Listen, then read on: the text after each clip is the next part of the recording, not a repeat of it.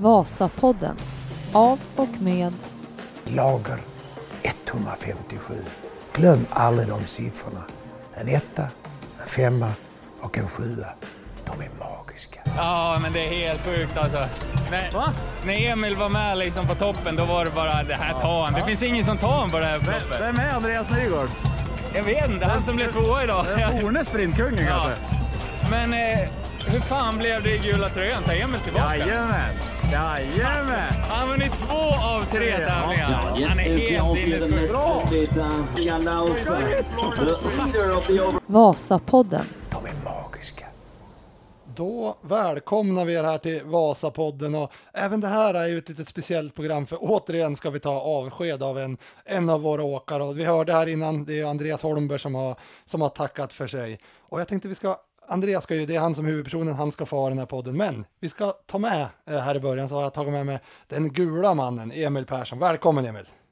Tack så mycket. Du, jag skulle vilja, vi ville, innan vi släpper in Andreas här så, så du och Andreas, ni har ju samma, samma resa i, i teamet egentligen. Ni klev in här eh, för tre år sedan, ganska exakt i, i teamet. Och, och du kan berätta, hur, hur kände du Andreas innan teamet? Eh, Jag känner väl väldigt lite egentligen. Jag tränade någon gång med han innan teamet kan man säga och umgicks väl ingenting privat innan det heller. Så.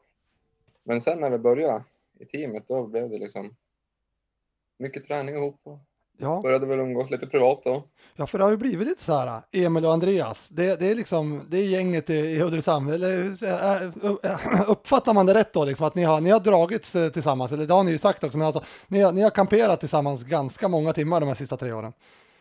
Ja, exakt. Det är nog inte många som slår våra träningstimmar ihop de här senaste tre åren. För vi har haft som identiskt träningsschema så det, det har varit otroligt värdefullt att ha. Och Andreas gjorde ju en viral succé, eller Andreas, men det får man väl säga. Den, den här, vi hörde ju här från början när han är med i glädje efter din andra seger i, i Kaiser, men han gjorde ju viral succé där när han, när han eh, kastade upp sina orangutangarmar och gör segergest när du vinner i, i, i Livigno. Och det här tycker jag, det här kännetecknar ju i, som jag ser det, Andreas, liksom, den här genuina glädjen för hela projektet och hela, hela laget och liksom helheten. Upp, Absolut, liksom hela resan dit. Alltså, man har byggt allting tillsammans. Hur viktigt skulle du säga att Andreas har varit för dig och för laget de här sista tre åren? Ja, han har betytt supermycket för mig de senaste tre åren. Så att, eh, från början liksom kliva in och såg verkligen upp till han för han var stark och han drog med mig mycket på alla träningar och så här när man var, hade dåliga dagar och sånt där. Eh, och sen har man liksom kommit ikapp honom och så- sen har vi kanske varit på sista året varit på som lite mer samma nivå. Då har vi ändå höjt varandra skulle jag säga. att Vi har byggt varandra skulle jag tycka. Ja, det är en fantastisk. Det är en lagspelare får man säga, men alltså, jag har läst nu också när han har slutat och längdsidor och skrivit så här att han, är, han har liksom varit en viktig hjälpryttare och det har han ju varit eh, till viss del, men han har ju också haft, alltså det loppet han gör, Marcialonga 2019, det är ju, Ja. vilk, alltså vi, du vet vilka skidor ni stod på han kommer sexa, alltså det är, där är Ja, det är ju- sjukt imponerande den dagen han hade, han hade då. Så det var ju så jävla otur för honom att vi bommade på skidorna där. ja, det är en kille Han med, hade mer i sig än vad placeringen visade. ja. Nej, det, är en, det är en stor skidåkare som lämnar. Det kommer bli tomrum, eller hur känner du? Ja, absolut. Det, det kommer det bli. Det blir ett stort tomrum liksom, ja, men Karlsson och Andreas försvinner. Det är ändå en, en viktig del i långlopp-Sverige skulle jag säga. Ja, vi, har, vi pratade om det här, eh, men jag pratade med, med Andreas igår, liksom att vi har du, vi har An- Andreas, Mackan, vi har eh, Anton, Max, Oskar, Eklöf nu på senare tid. Det har blivit en svensk våg här, och, men vi, vi, ni är inte jättemånga, så vi tar bort en stor procentdel av den när vi tar bort de här två eh, väldigt duktiga skidåkarna på något sätt. Ja, exakt. Den där äh, jämnheten och stabiliteten som vi har haft på Andreas och Karlsson försvinner väl ändå. Ja, ja men eh, Men, eh, vi Det pratade... kommer säkert nya. Men... Vi pratades vid, du och jag, igår, igår kväll och du sa att eh, jag och Mackan vi är redo att driva det här eh, vidare. Exakt. Så att eh, det, det är, men jag tycker vi gör så här, vi släpper in Andreas så ska han få, så ska han få ta sina tankar här och berätta för er lyssnare hur, han- vad, vad som har kommit fram till det här beslutet och vad som väntar härnäst. Så håll till godo. Tack Emil! Tack, tack. Vasapodden. De är magiska. Så, då är vi tillbaka och eh, nu sitter han med, huvudpersonen själv. pensionären, vi, du är inte ens 29 år gammal. Välkommen Honken. Tack så mycket. Ja, tack, pa, tack. du pensionerade. ja det, det blir så. Så, men du, jag vill, det här, jag ska, vi, ska, vi ska slå, my, eller slå hål på, för jag har fått lite mejl och frågor faktiskt. Mhm. Att, eh, Okej. Eh, om teamet har med ditt eh, beslut att göra, men det har det inte. För att jag, jag vill säga innan Nej. vi börjar, jag sa åt dig att du har plats i laget eh, nästa år, eh, innan du sa det här till mig.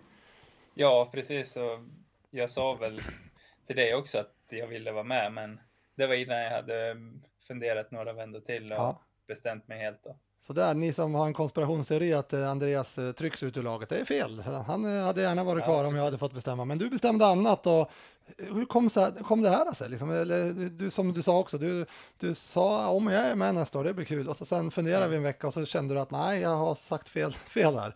Ja, nej, men det är väl egentligen någonting som har vuxit fram under ett års tid egentligen. Att jag känner att ja, det är många aspekter, men jag har inte riktigt motivationen längre och jag har hållit på med det här många år och tycker det är grymt kul att, att träna och liksom vara iväg. Men jag har inte 100% motivation till att lägga ner det som krävs för att, eh, för att vara bäst i världen. Och, och då känner jag att då, då är, det, då är det dags för mig att kliva åt sidan. Liksom. För jag vill, inte, jag vill inte bara hålla på för att vara med, liksom, bara delta, utan vill jag vara med, då vill jag vara med och göra det för att bli bäst i världen. Och den motivationen har jag inte längre. Så då, då känner jag att jag, jag är klar med det här livet som skidåkare.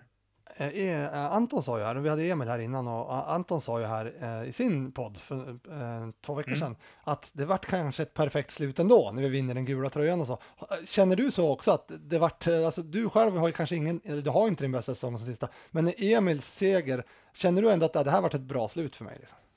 Ja, på ett sätt så känner jag det. Att det var, det var häftigt att få vara med och liksom få vara med som en del av det när, när Emil som första svensk eh, herre då vinner den gula tröjan och, och det sättet vi har gjort det de sista åren liksom och, och byggt upp eh, hela det här laget. Och så att, ja, det var, på ett sätt så var det, var det ett grymt avslut faktiskt. Ja, för ni har, Men ju, sen, ni har ju lagt onekligen, har ni lagt, alltså du har ju varit med Ja, det, det är procentuellt, det är svårt att säga, men det är många procent av Emils och, och dina träningstider som har gått tillsammans, eller ti- timmar som har Ja. gått tillsammans.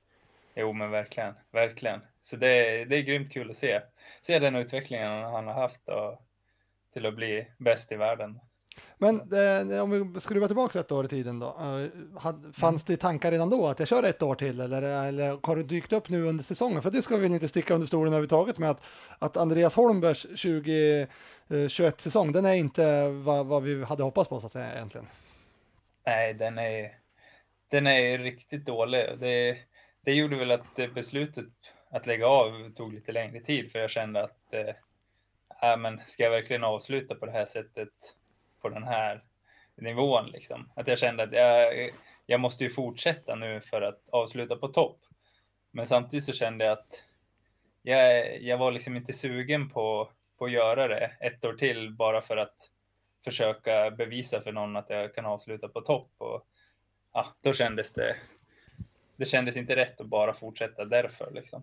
Har den här säsongen varit extra jobbig för, inte bara det, utan det är flera som, det är Eliasen, det är Anton, Öyvind igår eh, och fler där till kommer det komma som, som väljer att kliva åt sidan. Har den här coronasäsongen varit extra tuff att, att genomföra? Kan det ha något med beslutet att göra? Eller du kan inte svara, för, men för dig själv, har det med beslutet att göra tror du? Nej, det tror jag inte. Alltså, det är en väldigt speciell säsong. Det, det är det ju. Men jag tror inte att det har så jättemycket att säga om beslutet i sig. Nej. Det har det nog inte. Men du, vi har ju fått väldigt mycket frågor. eh, Vi skickade ut den förra veckan och så sen vart det, men vi har fått mycket frågor och vi, vi, vi kommer inte, absolut inte hinna med alla, det gör vi aldrig. Men vi kan börja med några. Vi kan börja med den, den, den första stru, eh, frågan som Ja. kom in där. Det var vad ska, vad ska du göra nu? Ja, nej, jag söker faktiskt jobb. Jag är utbildad till byggingenjör och har en färdig examen där då. Så att eh, det är ju någonting som jag vill börja jobba inom och ja, vad ska man säga? Leva ett eh, vanligt liv om Ja, man nu kan göra det. Pre- Precis. Men liksom komma in i det. Och, så fick, det, det är väl någonting som jag är taggad på just nu, sugen på att komma in där då. Sen, sen fick vi ju många frågor, det, det är inte bara en, men det var många frågor. Och det har ju, brukar det vara när du är med i podden om skidorientering. Du har ju, du har ju Ja. din skidåkning, skidorienteringsfamilj där som står och, och väntar och följer dig. Exakt. Kommer du dyka upp i de sammanhangen? Nej, det har jag, jag har inga planer på det. Kanske om det är någon lokal tävling här i Östersund Ja. nästa vinter. Men eh, inga planer på att göra någon comeback där. Är du färdig, Ja. är du färdig med tävla och träna på, liksom, eller kommer, kommer vi se dig äh, i, i Vasaloppet äh, med lite längre bak i fälten? Eller? Alltså, jag har svårt att se att jag kommer fortsätta att tävla inom skidåkning. Alltså, då är, man, när man har varit på den nivån så är det liksom, det är allt eller inget lite. ja. Jag tänker inte vara med och harva runt topp 500 som någon motionär, utan Ja. då, 5000 då? det är allt eller På inget. skinskidor? Ja, 5000 på skinskidor. Ja. Nej, men det, det som jag är sugen på, det är ju liksom göra, ja men köra någon löptävling, springa någon maraton, halvmara, Lidingöloppet, något sånt liksom. Ja. Jag har alltid tyckt det är kul att springa och nu kommer man ju ha lite tid till att göra sådana saker som kanske är lite större skaderisk, men kul att, kul att genomföra någon gång. Ja, så det blir, det, blir, det blir spännande. Men du, om vi tittar på den här, den här säsongen som var, som inte, inte går rätt så att säga. Det, det, du kommer inte upp i din Mm. nivå överhuvudtaget. Så, eh, om, har du analyserat, vad, vad tror vi, vad, vart gick du fel? Eh, ja, eh, om man ska ta det enkelt så är det väl att jag tränar för mycket egentligen. Ja, du känner Att dig jag, jag, är för, jag är för högt belastad liksom när jag kommer in i säsongen och släpper aldrig upp tillräckligt utan ja, jag, jag kommer in för tungt belastad och sen när säsongen är så pass kort också då har jag så mycket tid att hämta in det och ja, det blir lite att man famlar i mörkret och så ja, men man tappar liksom referenser om Ja. hur det ska kännas i kroppen när man är pigg och tror kanske att nej, men det kanske är att jag ska träna lite mer fast i, i själva verket Ja. så är det att jag är ja, men liksom för tränad. Tittar man på det i stort perspektiv så hade du ju ingen jättebra sommar och inte jättesuper början på hösten. Sen i Båstad, då vaknade du till där. Alltså, då pratar vi slutet av oktober. Då började det hända grejer i Andreas Holmberg. Och sen, Ja, precis. sen även eh, var du dålig i Bruksvallarna, men sen kändes det som att du Ja. var på rätt väg när vi hade läger i Orsa igen. Ja, nej, jag kände väl ja, men runt där i Båstad att då började det lossna liksom och det gick åt rätt håll. Men sen, sen blev det ju att eh, ja, alla tävlingar ställdes in eller vad ska man säga, Mm. säsongen flyttades någon månad. Och då var det det här att, ja men vad ska vi göra nu då? Ja, men då får man ju träna på Ja, lite. ja, Och då kanske det blev att jag, jag tränar på för mycket den perioden ja. utan att tänka tillräckligt där då. Det, det är väl någonting som man kommer ångra.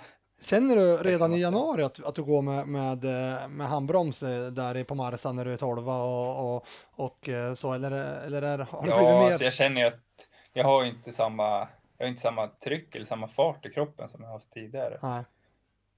Och det, Med facit hand skulle Ja, du det ha brutit där egentligen och liksom pausat ett par veckor och så sen kommit starkt i slutet av säsongen. Då. ja, precis. Ja, Det vara kanske man hade kunnat gjort liksom.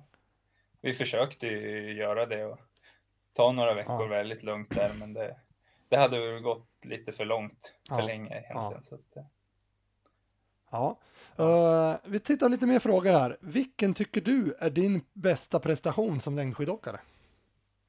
Ja, det är en bra fråga. Det är klart att eh, andra platsen på Kaiser, det var ju en Den- stor höjdpunkt i mitt liv. Men, antingen, men den största prestationen är nog ändå när jag var sexa på Marsan i fjol. Ja, den jag och Emil pratade Då- om innan.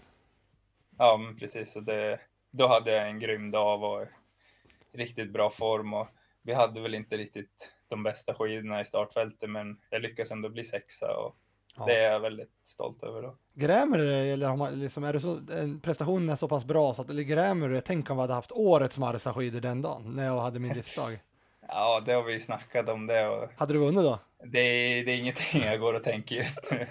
Så är det, utan det, det är som det är liksom. Och jag gjorde det bästa av dagen Ja. där. Och, Men det man ska komma ihåg när man sitter och tittar att eh, det kanske inte syns i tv-bilder men det är väldigt stor skillnad på årets och fjolårets skidor. Om man ser, alltså det, det hade kunnat bli ett Ja. helt annat uh, utgångsläge fast att ni egentligen är på samma ställe i fältet och sådär. jo, precis. Och egentligen i år kom jag ju nästan bättre in i sista backen. Ja. Då, I år har jag inte formen Ja. till det liksom. Nej, det. Medans, Men- eh, medans Emil har formen och då vinner han i år liksom. Ja. Så att, eh, Men den här eh, Kaiser Maximilian, då pratar vi Mm. 2017? vad blir det? 20... Nej, 21, nej, måste 18? tänka. 2018 till och 2018, med. ja. Och då, Ja, januari 2018. då, det är ju en, jo men det är en skräll får man säga, att du kommer Ja, tvåa då, på det, det är det sättet du kommer tvåa eh, och så också. Eh, och eh, om man tittar, den bästa, det är ju inte den bästa Andreas Holmberg vi har sett, alltså fysiskt och, Nej, det tror jag verkligen så att inte. det du fick ut där, det är ju något, det är ju enormt egentligen. Det. Ja. Och det är, det är ju mycket tillfälligheter och vi fick ju mycket tid gratis då, jag och Skogsholm, tack vare att de körde så lugnt i klungan Ja. liksom. Men sen, jag känner ju ändå att jag gör ju en väldigt bra prestation sista milen där när, när de börjar jaga bakifrån. Ja. Att, jag, att det bara är en som kommer ikapp då. Så att, nej, det känner jag ändå är väldigt, eh, ja, vad ska man säga, en, Ja, en en av höjdpunkterna Ja, det var en häftig dag, helt klart alltså. Det var, och det var liksom, om man tittar lite större på det, inte bara liksom det här Ski Classic, det var ju lite, lite första gången det gick en oprofilerad utbrytning på det sättet och som nästan gick hem, alltså inte med någon av de stora Ja, men stjärnorna. När man, ja, visst, Eliasen har gått utbrytningar och klart, men det här var ju två stycken, det var du och Skogsholm och ni var ju ingen av de här topp 10-15 åkarna man räknade med på den tiden, riktigt, riktigt inte. Nej, precis. Så det var lite annorlunda. Ofta när det går en, ja men om Eliasen går själv, det är ju för att han är ja, starkast liksom. precis. Men hur, nu gick vi iväg,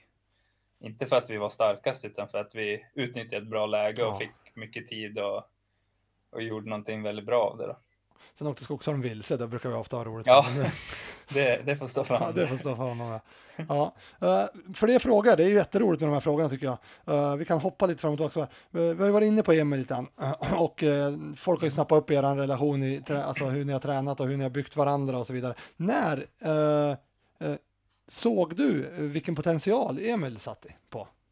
Ja, den Tänk- är också svår. Tänkte du det eh, första gången när vi sa till, när du kom in i teamet eh, och så sa vi det är en kille till också, Emil Persson, han bor i Östersund, Ja, han, han, ska du dra på nu. Tänkte du att här har vi en gul tröja på tre år? Nej, det, det ska jag vara ärlig, det, det trodde jag inte då, att det skulle vara gul tröja på tre år. Men det, jag kände ju inte Emil så bra innan, jag visste ju vem han var liksom. Och Ja. hade vi träffat han några gånger, men vi var ju, ja, jag kände ju liksom inte han då. Ja. Men sen, eh, ja, under hela första året, då, han växte ju för varje månad. Och jag kommer, kommer ihåg första året vi var i Båstad, 2018, i, Ja, var det oktober eller ja någonting precis. då, då, det var ju då han verkligen, man märkte att oj, här finns det potential. Jag kommer så väl ihåg då på ett Vasapass vi hade, jag tror vi körde sån här 45-15 och han, han bollade Just med det, mig och Anton liksom. Det, Precis. vi hade ju inte en suck. Nej. Och jag kom, jag för mig att jag var rätt bra slag där i oktober, men Ja, hade inte en suck mot Emil då, och då insåg man att ja, men den här killen, han, han har lite tryck i armarna när han, när han vill. Liksom. Ja. Så att, eh, Så ganska tidigt ändå börjar man se att, och det var väl, det är bara en, en månad senare är han väl eh, nia där i Livigno ja, precis. Han topp 10 på sin första Ski Classic-tävling, så då, då börjar man ju förstå att om han fortsätter i den här riktningen, då, då kan han bli bäst i världen. Men hur eh, eh, grämer det dig nu liksom att han står med gul tröja? Och det, det, alltså, in, in, inte att det grämer det, men liksom att du vet hur nära honom du har varit på. Om man slår ut på alla pass ni kört så kanske du till och med liksom plusstatistik. Ja. Liksom grämer det att inte du står där eller att du gick över kanten och inte han? Eller, eller är det bara, det, det är bara glädje? Ja, lite, lite så. Alltså, det har jag inte tänkt riktigt, men för han har ju liksom vuxit fram som en av mina bästa kompisar och Ja, vi har gjort så mycket tillsammans, liksom både vi på, eller i skidspår och vid sidan av. Och, så att jag, jag är liksom bara väldigt glad för hans skull. Då, men det är klart att för, för några år sedan, liksom, när man började satsa på långlopp, då, då var ju målet att bli bäst i världen. Och, och det kan jag ju säga nu, att jag blev inte bäst i världen. Och, men samtidigt sitter jag inte här idag och är, besviken över det, liksom, utan det, det är jag inte. Då. Din träning vart ju bäst i världen om man säger så då? Eller samma Ja, träning som... precis. att det var ju nära på det sättet. Ja, Eh, kanske lite på samma eh, fråga här. Vilket är den sjukaste någon har gjort i, i teamet, eh, träning eller tävling? Alltså den, jag antar liksom typ där 45-15 eller Ja. har du något annat där som du kommer ihåg? Det här var den personen eller här var jag helt galet bra eller den här imponerade den. Eh, nej, alltså. Kom inte på något specifikt tillfälle, men jag skulle ändå säga det att det Emil vinner gula tröjan i år. Liksom. Det, det är ändå stort. Ja, men som första svensk herre och, och vinna den och den åldern han är också. Det är ändå. Ja, det är Det faktiskt, det, det, väldigt det, frågan var sjukast och det är faktiskt sjukt när man, Ja. ut det. Ja, men alltså. det är faktiskt det när man ser på det. Ja. Alltså han, han vinner ju de flesta tävlingarna i år liksom. Ja. Som att det är, ja, men det är vardagsmat för han liksom. Ja. Det är lite sjukt att se på det. Ja, det, man, man blir ju van så man kommer ju in i det. Liksom. Men man, Ja, men man tänker faktiskt. hur, hur svenskarna har stått sig de sista tio åren så är det ju en Ja. annan nivå. Ja. Kommer du fortsätta följa skidåkning och Ski Classic och, och så, eller är du, är du Ja, liksom intresserad på det sättet? ja, det kommer jag alltid göra. Så det, eh, jag är ju intresserad av all, all slags sport så att det, jag kommer verkligen fortsätta följa Ski Classic. Det kommer. Här tycker jag är en intressant fråga. Eh, vilket lopp skulle du vilja åka om, göra om? Om du fick liksom. Ja, Finns det några taktiska missar eller kanske att vi, La- Laggar och Viktor skulle ha vallat om skidorna till den där gången? Om de vill, det kan vi inte påverka, men då, finns det något lopp som du kände där skulle vi ha gjort det Eh, annorlunda? ja alltså Det behöver inte vara... Vasaloppet måste jag väl ändå säga, det har jag aldrig lyckats på.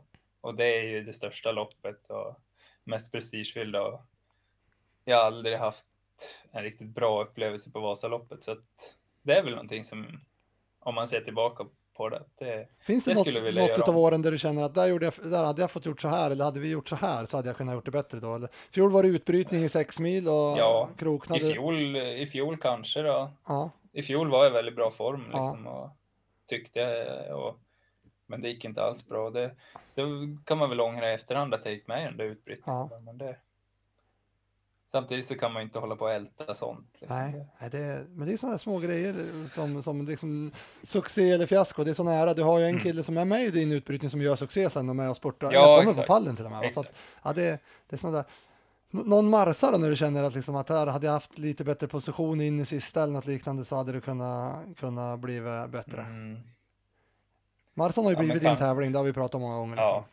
Marsan är ju väldigt mycket också position in i backen liksom. Och, eh, jag tror inte riktigt det året jag blev sexa liksom. Om jag hade varit lite längre fram kanske hade det varit någon placering bättre, men nej, det svårt att säga. Ja. Den finns, det finns ju en annan tävling, en riktig klassiker. Det är ju den här SM i, i, i, Söderhamn. När du, Ja, det är också en viral succé. Vi pratade om orangutangen där när du, Emil vinner första, men då körde du orangutangstakningen i, Ja, exakt. i eh, det, här, Det var, det vart ju succé. ja, det var, en- ja det, det var en bra prestation av mig då också. Ja, Jag tror jag blev ja, mellan 10 och 15 ja någonting. precis. Och det kändes Så som, det är väl liksom min bästa SM-placering och det, det var ett bra lopp. då pratar vi att det- 2017, 16. Innan jag, Eh, ja, det måste varit typ eh, 17 då. Ja, precis.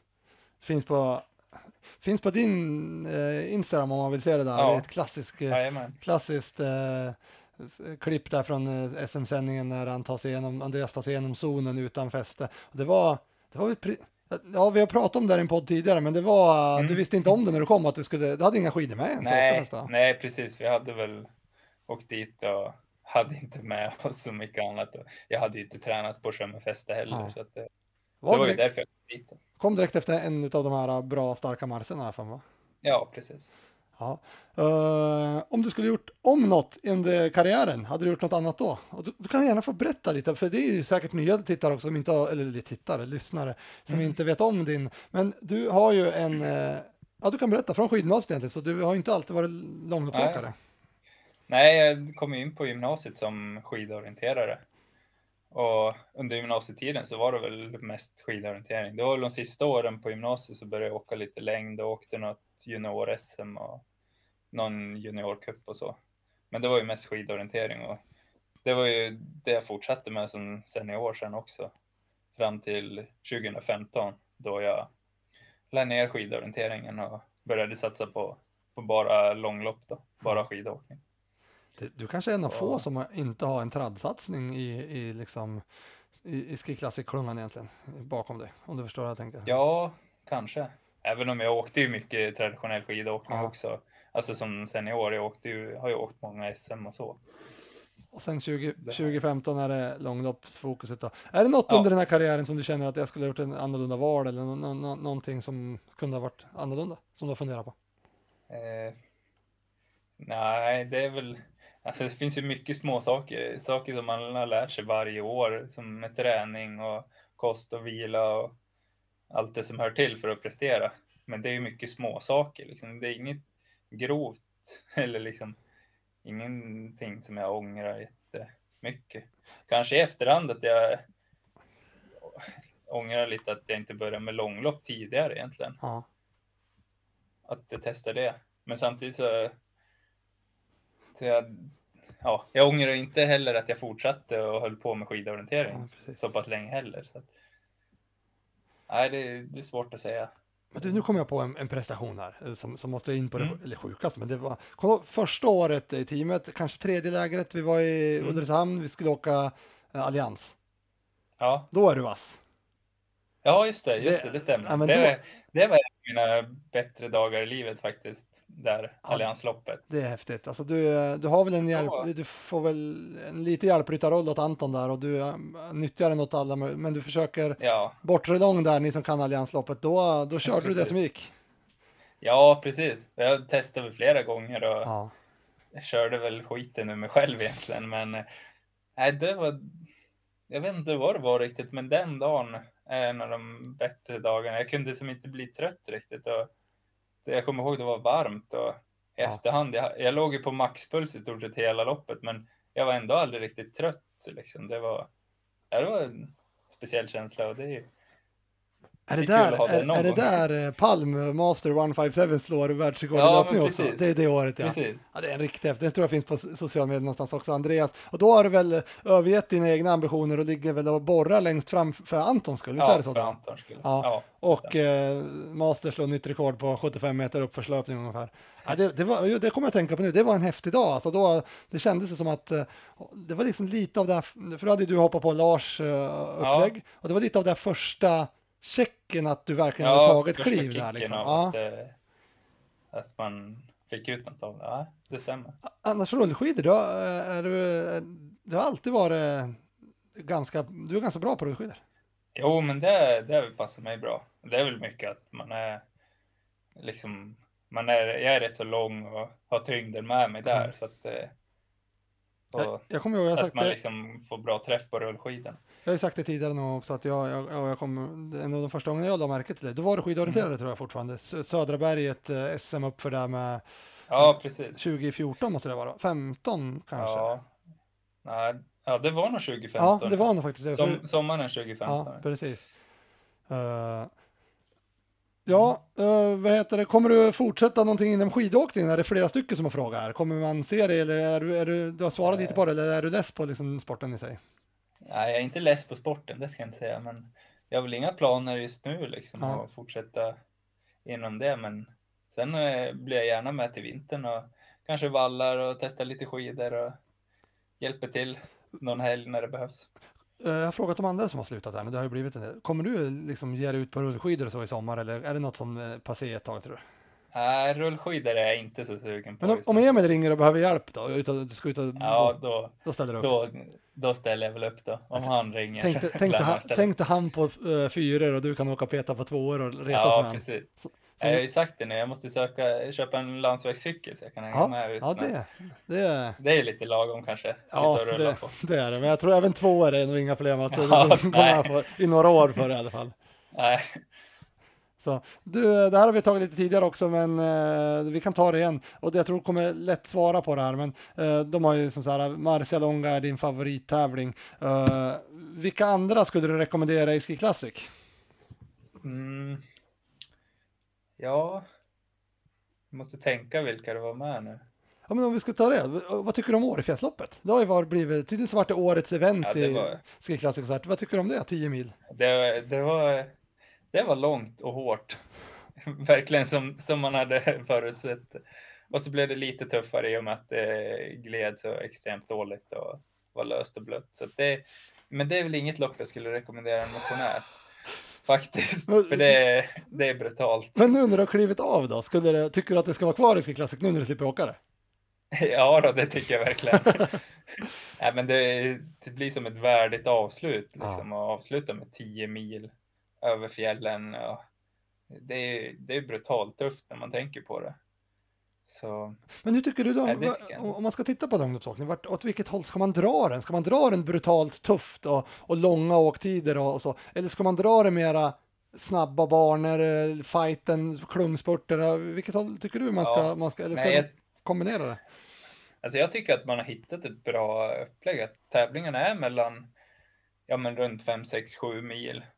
Och att eh, det tycker jag är ett bra koncept. Jag tycker inte att man ska sträva efter att det ska bli längre och tuffare. Men sen tycker jag att, att, att man kör ja, men som Årefjällsloppet. Det är en tävling, det är avslutning. Liksom. Att man gör den extra tuff. Och det, tycker jag, det tycker jag inte är något konstigt. Men jag tycker det blir fel om vi börjar sträva mot det på, på alla lopp egentligen. För då, det blir ju som en liten annan grej. Att hålla på och tävla i uppåt sex timmar mot, som de flesta tävlingarna är mellan två och tre tävlingar. Det, det Eller blir, två, två och tre timmar. vi, vi är väldigt nära multisport kan man säga, eller extremidrott Ja, men det blir lite sätt. det då. Det blir lite ultra över Ja, det. ultra, precis. istället för, istället för maraton. Då. Precis. Ja, det, det, är, eh, det är en bra aspekt. Eh, Ja, vilken skulle du rekommendera då? Om du inte, om du inte var Marsan? Mm. Men då skulle jag nog säga Toblars Cortina då. När de kan köra originalbanan. Ja. Ja, den, det, det är fint lopp och det är fina omgivningar och fint ställe att vara på några dagar extra. men, men du gillar ju det här, i alla fall som jag upplever det, den januari-turnén och du, du Marcialonga, liksom, du gillar atmosfären och det. Kommer du Mm. Ja. sakna det till, till vintern tror du? Eller kör du med, tar du Det- med Isabelle och åker ner och kör? Det kör. tror jag nog att jag kommer sakna. Ja, Det kommer jag göra. Det är ju väldigt... Alltså Italien är ju ett fantastiskt land och god mat och fina skidspår. Så att det, det är väl någonting man kommer sakna. hur är det när ni är där nere tycker du? Alltså, kan man njuta av det eller blir det mer att man är i sin bubbla lite grann och liksom eh, förberedelse och rehabbar tävlingar och liksom Eh. går en lite nervös och lite så eller, eller kan man faktiskt, nej men nu checka Ja, ut ett par dagar och bara njuter? Jag tycker att vi kan, eh, jag tycker att vi är bra på att njuta och ja, njuta av att det är fint väder och fina spår och nej, så det, det tycker jag. Men sen så är ju, det är klart att dagarna innan, innan racen, då är man ju, då laddar man ju för att, för att tävla och då, då kollar man inte så mycket på, på omgivningen. Men det det är många dagar däremellan också som man får slappna av och koppla av lite. Ja. Eh, jag har ju pratat om, jag tror inte jag pratat om det så offentligt kanske sista, men eh, det här sista, sista från Vasan och in har jag berömt dig Andreas i, det här att du har inte någonstans bara, men jag är inte där jag vill vara fysiskt, eh, jag Mm. presterar inte, men du har verkligen gått in i den här rollen att ge det du har, både fysiskt men även mentalt, ge, sprida energi, glädje och verkligen vara en positiv injektion i de där dagarna innan och, och så vidare har jag upplevt och, och verkligen fått en god känsla. Är det här något som, eh, som, som du har jobbat med, liksom medvetet att ja, men jag måste dra mitt strå till stacken eller är det något som bara har blivit? Eller, för jag kan ju uppleva, jag har ju ofta haft atleter som inte har, som har hamnat där du är. Ibland hamnar man ju liksom Ja. inte i, i zonen och då är det lätt att man nästan blir en börda för en grupp. Och du har ju varit tvärtom, nästan så att jag Ja. vill säga att du har gett mer nu än när du är i ditt livsform så att säga. Har du, är det något som bara har kommit eller har du jobbat eh, med det där medvetet? Eh, Ja, det är väl något som jag, jag har jobbat lite medvetet nu. Att, ja, men efter Vasan i år, då, då kände jag att nej, men det är verkligen ingenting som funkar i år. Och istället för att bara gräva ner mig eller ja, men, inte göra någonting så jag pratade med dig och med Lars liksom att ja, men, skit helt i resultatet nu. Bara ja, men, kör, försök att köra skiten ur sig i de tävlingar som är kvar och inte bry sig om hur det går och försöka bara bidra med Ja. dem, ja, men bra energi Ja. istället för att dra ner de andra. För samtidigt så visste jag att Emil, han, han tävlade, han tampade sig om att vinna gula tröjan liksom. Och då kan inte jag komma dit och sitta där och vara sur liksom, eller less. Utan det, det var bara att gilla läget där att, ja, det, alla tävlingar går dåligt i år och det, det är liksom, det var tre, fyra veckor kvar av säsongen. Jag insåg att det kommer inte, jag kommer inte kunna ändra på det här. Jag kommer inte kunna vända på det utan. Så det var, det var bara att försöka gilla läget. Går det att hitta och- motivation i det? För att det det är ganska tydligt där i Våldalsrännet till exempel att då, ja, du tar ju din, du vet att ja, men formen är inte där jag kommer, det ska mycket till när man ska med över berget första gången och så Ja. vidare. Att hittar du motivation, för du är ju uppe och hjälper till, du ligger långt fram och spårar och vi har pratat om att vi vill vara först in, tidigt in i backen, du hjälper till så mycket det bara går. Kan man Mm. hitta motivation i en sån grej då? Att det, än att om du hade åkt för dig själv och bara, ja, jag får försöka komma 22. eller? Jo, det, det hittar jag mycket. Och om jag bara hade åkt för mig själv, då kan jag säga att då hade jag inte ens kommit till start de där tävlingarna. nej. liksom. Utan det är mycket motivation hittar man ju där. Jag försökte ju komma nollställd inför de sista tre tävlingarna där. Att, ja, men jag försökte försöka vara helt nollställd och, och tävla som jag brukar tävla. Ja. Även om jag innerst inne insåg att ja, men jag är inte där jag, jag vill vara. Liksom. Men jag försökte bara vara nollställd och, och tävla som, som vanligt. Liksom. Och sen fick det gå som det gick. Och, Ja, du imponerade på mig. och sen eh, verkligen inte ge upp då. Liksom. Så att, eh, Nej, imponerande faktiskt. Väldigt imponerande. Ja, eh, vi går vidare och vi tittar här vad vi har mer. Så, nu ska jag bläddra lite här. Uh, motionärsfråga, eller det är ett, ett gäng motionärsfrågor. Ska börjar. Om man skulle, om du skulle sätta din träning i parentes till en motionär, hur lägger man upp en säsong? Sommar, höst, vinter? Om vi ska göra det enkelt och så, oj. Ja, hur ska man säga, hur, om du bara tänker lite snabbt nu, du får någon, någon sekund på det, att om man tittar, vi, vi, vi tittar volym då, vi tittar volym. Hur, hur, ligger, Ja. hur, hur ligger det till liksom sommar, höst, vinter skulle du säga liksom? Ja, att eh, man tävlar, eller tä, täv, man tränar ändå mest under sommaren och hösten. Ja. Alltså volymmässigt så gör man ju det. Ja. Och sen så drar man ner det under vintern då. Och frågan är, Så, tror, och en motionär, då blir det ju, jag tror att de tänker om de ska tänka likadant eller så, eller hur, hur du skulle rekommendera där. ja, det beror på hur, hur stora volymer och mycket man kan träna liksom. Har man tio timmar i veckan som man kan träna, men då kan man väl träna det året om Exakt. egentligen, känner jag. Ja, Då en- behöver man inte dra ner det under vintern och träna sex timmar i veckan. Det tror jag inte, utan då, då kan man träna tio timmar varje vecka året om egentligen. Ja. Om man, men om man har tillgång eller möjlighet till att träna mer under vissa perioder, då, då tror jag att det, då kan man passa på det. Det, Men det men om man är motionär då ska man, om man jag har, den, jag har den möjligheten i januari, då kan man väl ändå nyttja den då, även om det inte, Ja, om, om din träning kanske är som mest eh, augusti, september eh, och viss del oktober, så kanske man, men har man, som motionär kanske man faktiskt får ta den tillfällen man har liksom. Exakt. Och, och som motionär så är ju ofta Vasaloppet det stora målet. Och då har man tid i januari till att träna lite mer än vad man gjorde i augusti. Ja. Då, då tycker jag att då ska man göra det. Då ska man inte vara rädd för att ja, eliten, de tränar mindre i januari än vad de gör i augusti. Men det, man ska skilja på det. Exakt, det tror jag är jättebra. Sen har vi fått en fråga här angående stakning. Hur mycket stakar du i din eh, eh, procentuellt i satsningen och eh, hur skulle du rekommendera för även där en motionär att göra? Ehm, ja, jag har inga riktiga siffror på det tyvärr. Stakar du varje dag? Men, kan man, kan, eh, man- vi brukar ju slänga ja. oss med det ibland, att ett pass om dagen är stakning. Det, det kan jag nog säga faktiskt. Ja. Ett pass om dagen Eh, men man- i grova slängar. och, eh, men du, eh, det- och sen åker du lite klassiskt eller? Eller är det mestadels stak? Eh, nej, egentligen nästan bara stak när det är klassiska rullskidor. Och sen så blir lite, har det blivit lite löpningar utöver det. Ja. Men, Skulle du säga nej, som det är en, ju väldigt mycket procentuellt stakning blir det. om vi säger att det här är en motionär, jag vet inte hur, hur bra den Peter är här, men säg att han är lite, han, han stakar vi då. Eh, och så Ja. säger vi att han tränar 10 timmar i veckan. Så hur mycket skulle Ja. du säga han skulle staka då? Alltid på rullskidorna Ja. egentligen, eller? Ja, alltid när jag står på rullskidor, Ja. skulle jag vilja påstå. Och sen om man springer eller cyklar utöver det. Men eh, vill ha, ha en som mål att staka Vasaloppet, eh, så då, då tycker jag att då kan man staka alla pass på rullskidor egentligen. Hur länge, när, när, när, du- när du 2015 eh, gick över och skulle bli, bli långloppsåkare, gick du över till 100 procent, eh, 100 procent, eh, vad heter det, stakning på en gång då? Eh, nej, det, det gjorde jag nog inte. Visst, jag stakade väldigt mycket då, tyckte jag, just då, 2015. ja. Men det har jag ju insett att det gjorde jag ju inte, inte så mycket som jag gjorde senare. Liksom. Så att eh, ja, då, då kommer jag ihåg att då kunde jag köra skateintervaller lite då och då. Ja, jag använde benen när jag åkte rullskidor Ja, och, ja. och lite så. Så att eh, jag, jag gick inte över till 100% stakning, det gjorde jag inte. Det var väl, det var väl lite vedertaget på den tiden, det, att, liksom, att det gjorde man inte. Alltså, det är ju egentligen, eh, jag vill säga att det är Nej. kanske 2016, 2017, 2018 som det blev mer och mer liksom rakt av så, liksom att alla Precis. bara stakar. Ja, Har, har du åkt någon, ja det, vet jag ju svaret, men vi kan, du, du, har åkt några äh, fäste skiklassiklopp också, raced en gång bland annat. ja jag åkte ju race där det är ju senare. två fäste. Ja, just det.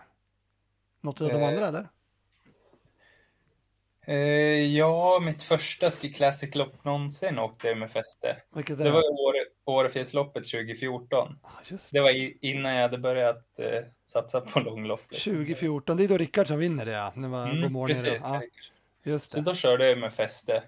Men jag hade ju ingen fäste. Det var ju det som var grejen. För det var ju sån här vår före och...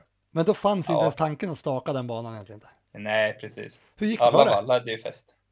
Ja, jag, vi satt ju och kollade på det där resultatet. Jag var väldigt långt ner i Ja, alla fall. det var väldigt inte- långt efter. Ja, det var så. Ja, Var det IFK Mora då eller? Ja, precis. Och det var ju, ja, jag hade ju, jag hade ju aldrig tränat för att åka så där långt liksom, men det, det Men- var, det blev lite ett äventyr över fjällen där. Men hur kunde det bli eh, långlopp då? Om du liksom, du kom, liksom, hur Ja, kände men det var, du? det Kände, var någonting som jag tyckte att det var kul med det på något sätt. Är det Årefjällsloppet Ja, det- som är, är liksom den som gör så att du hittar långlopp eller? Nej, det är det väl inte. Det är väl kanske när jag åker Vasan året efter 2015 där. Ja. Det går ju också väldigt dåligt. Det blir väl 136 Eh, Jag är ju helt totalväggad i Oxberg, men jag tyckte ändå att det var kul på något sätt. Så Så- att, eh, Det var aldrig aktuellt liksom att gå från den där, eh, den där, eh, alltså att vara traddåkare. Alltså det var, när du var orienterare så var det Nej. till långlopp. Det var inte liksom att det vart långlopp, utan det var bara det som gällde. ja, det var det som gällde. Jag kände att jag, jag har ingen riktig potential inom tradd Nej, så, utan jag såg mer att jag hade potential inom långloppen. Då. ja. Det, det var väl det jag trodde då i alla fall. Hur, när du var junior och så, var det, tänkte du långlopp Mm. redan då? Eh, nej, det, det gjorde jag inte. Även om alltså, man såg ju på Vasaloppet. Jag var ofta ute och kollade på Vasaloppet Ja. liksom, första söndagen i mars. Och, och så, då var ju liksom, ja, Vasaloppet ska man ju åka någon gång. Och Ja. Det var ju kul att vara där, vara bra på Vasaloppet. Men det var inte så att jag såg mig som en 100% långloppsåkare. Nej, nej. Att jag skulle bli det. det. Det gick aldrig i de tankarna. Men det vart det. Men det var ju lite skillnad på långlopp då också, för då var ju långlopp, då åkte man ju traditionell Ja, åkning, ja. fast en längre sträcka liksom. Ja, precis. Ja, det var annorlunda, så var det väl kanske också liksom Ja. då att eh, då gick man över senare. Alltså, du gick ju ändå som 23-åring över till långlopp. Då. Det är ju, det var Ja, ju, det är ju väldigt tidigt det, och nu är det flera fler som gör det, men då var det ju väldigt, Ja. väldigt tidigt. Exakt. Så, eh, jag ser här, det här är, jag- sitter och tittar på dina resultat här nu samtidigt som vi pratar. Och, eh, Ja. det kommer, jag kom, vi åkte ju eh, en skate-tävling en gång, du och jag. Tänkte, jag åkte inte, men du åkte. Vi var ju ner, du och Emil och Ja, precis. Anton va? och Britta. Ja, Till, till, eh, Engadin Engadin. Men jag tänker att, eh, ja, alltså när vi är skidorienterare, är det skate eller är det stakning då? Eller det, det är både och? Vad, Mm. Det är ju både och liksom. vad, trä, är, vad tränar man i mängden då? Så? Är det skate? nej, man då? tränar väl mest, man tränar ju skate Ja. liksom. Och sen så ja, försöker man åka på smalspår liksom och, och staka på dem. Men det blir ju en speciell stakteknik. Ja, också. Man får ju liksom röra benen på ett annat sätt. Och det blir en lite annorlunda teknik. men på rullskidorna då? Står man och stakar på, på, på skateskidorna då på sommaren eller skater man mest bara? Då? Ja, det är väl lite, då kör man skate eller, eller stakar lite på, på Jag har för mig skate att det, vi- det gjorde vi också. Att vi var någon gång i Ja. Torsby va? när de var där och då skatade de upp för Hovfjället. Och då skatade Ja, de två okej. och stakade en här för mig. Ja, okej. ja. För eftersom man har, ja, man har ju liksom skateutrustning.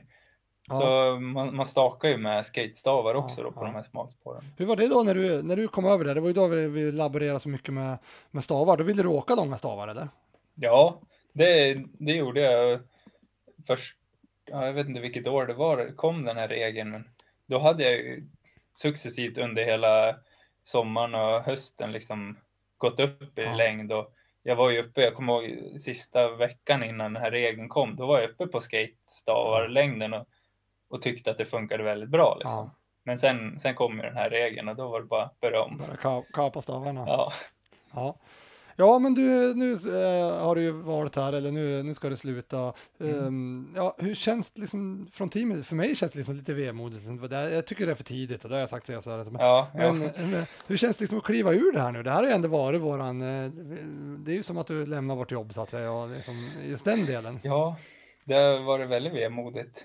I början så var det väldigt eh, läskigt på något sätt att, att säga det. Och säga det högt liksom. Det är en sak att tänka det, men Ja. jag, varje gång jag sa det, jag kommer ihåg första gången jag sa det till Isabelle, blev Ja. väldigt känslosamt. Ja, liksom. För det är ju det är på ett sätt det enda man vet i livet, Ja. är ju liksom skidåkningen och, och allt runt omkring det.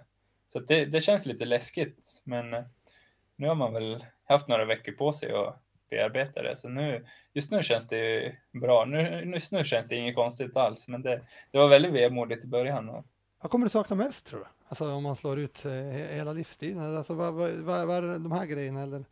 ja, jag har ju alltid gillat att, att träna, träna liksom långa pass och vara ute långa. Och, så det, det är väl någonting jag kommer sakna lite då.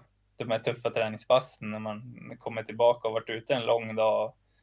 Att man känner sig trött Det och slut på det sättet. För många säger ju här, ja, men det- jag, jag kommer sakna tävlingarna, jag kommer sakna och Mhm. kanske jag kommer inte sakna EM ut i oktober i tre grader Nej. i Östersund och fyra timmars stakning. Men- mm, som jag känner Andreas så tror jag så många, så du har, har ju aldrig haft problem med de grejerna liksom, när du väl har satt igång. Nej. Din, Precis. Eller det, det är väl framför allt liksom under sommaren och göra de här långpassen när det är fitväder. Liksom. Ja. Det är ju någonting jag alltid har, det har ju varit liksom höjdpunkterna på, på året. Liksom. Man får köra 9-10 mil i, i gassande värme. På.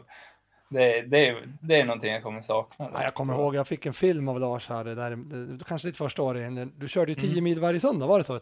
Som liksom en Ja, liten eller grej? 9 mil då Ja. var det. Ja, precis. Ni. precis. Och eh, då får jag, får jag en film som Isabelle tror jag har tagit, som, ja, som när du, då är du också i zonen lite där. Eh, si- sista, du avslutar på Hallstaberg va? Ja, precis. Så Då- körde jag på lite, Ja, drog på lite lite. grann, då, då var du lite, så det var, det var också en sån här tokhet varm dag, alla ville, Ja, ligga, precis. ville ligga på stranden och sola, men du eh, avslutar på Hallstaberget och köra skiten ur det.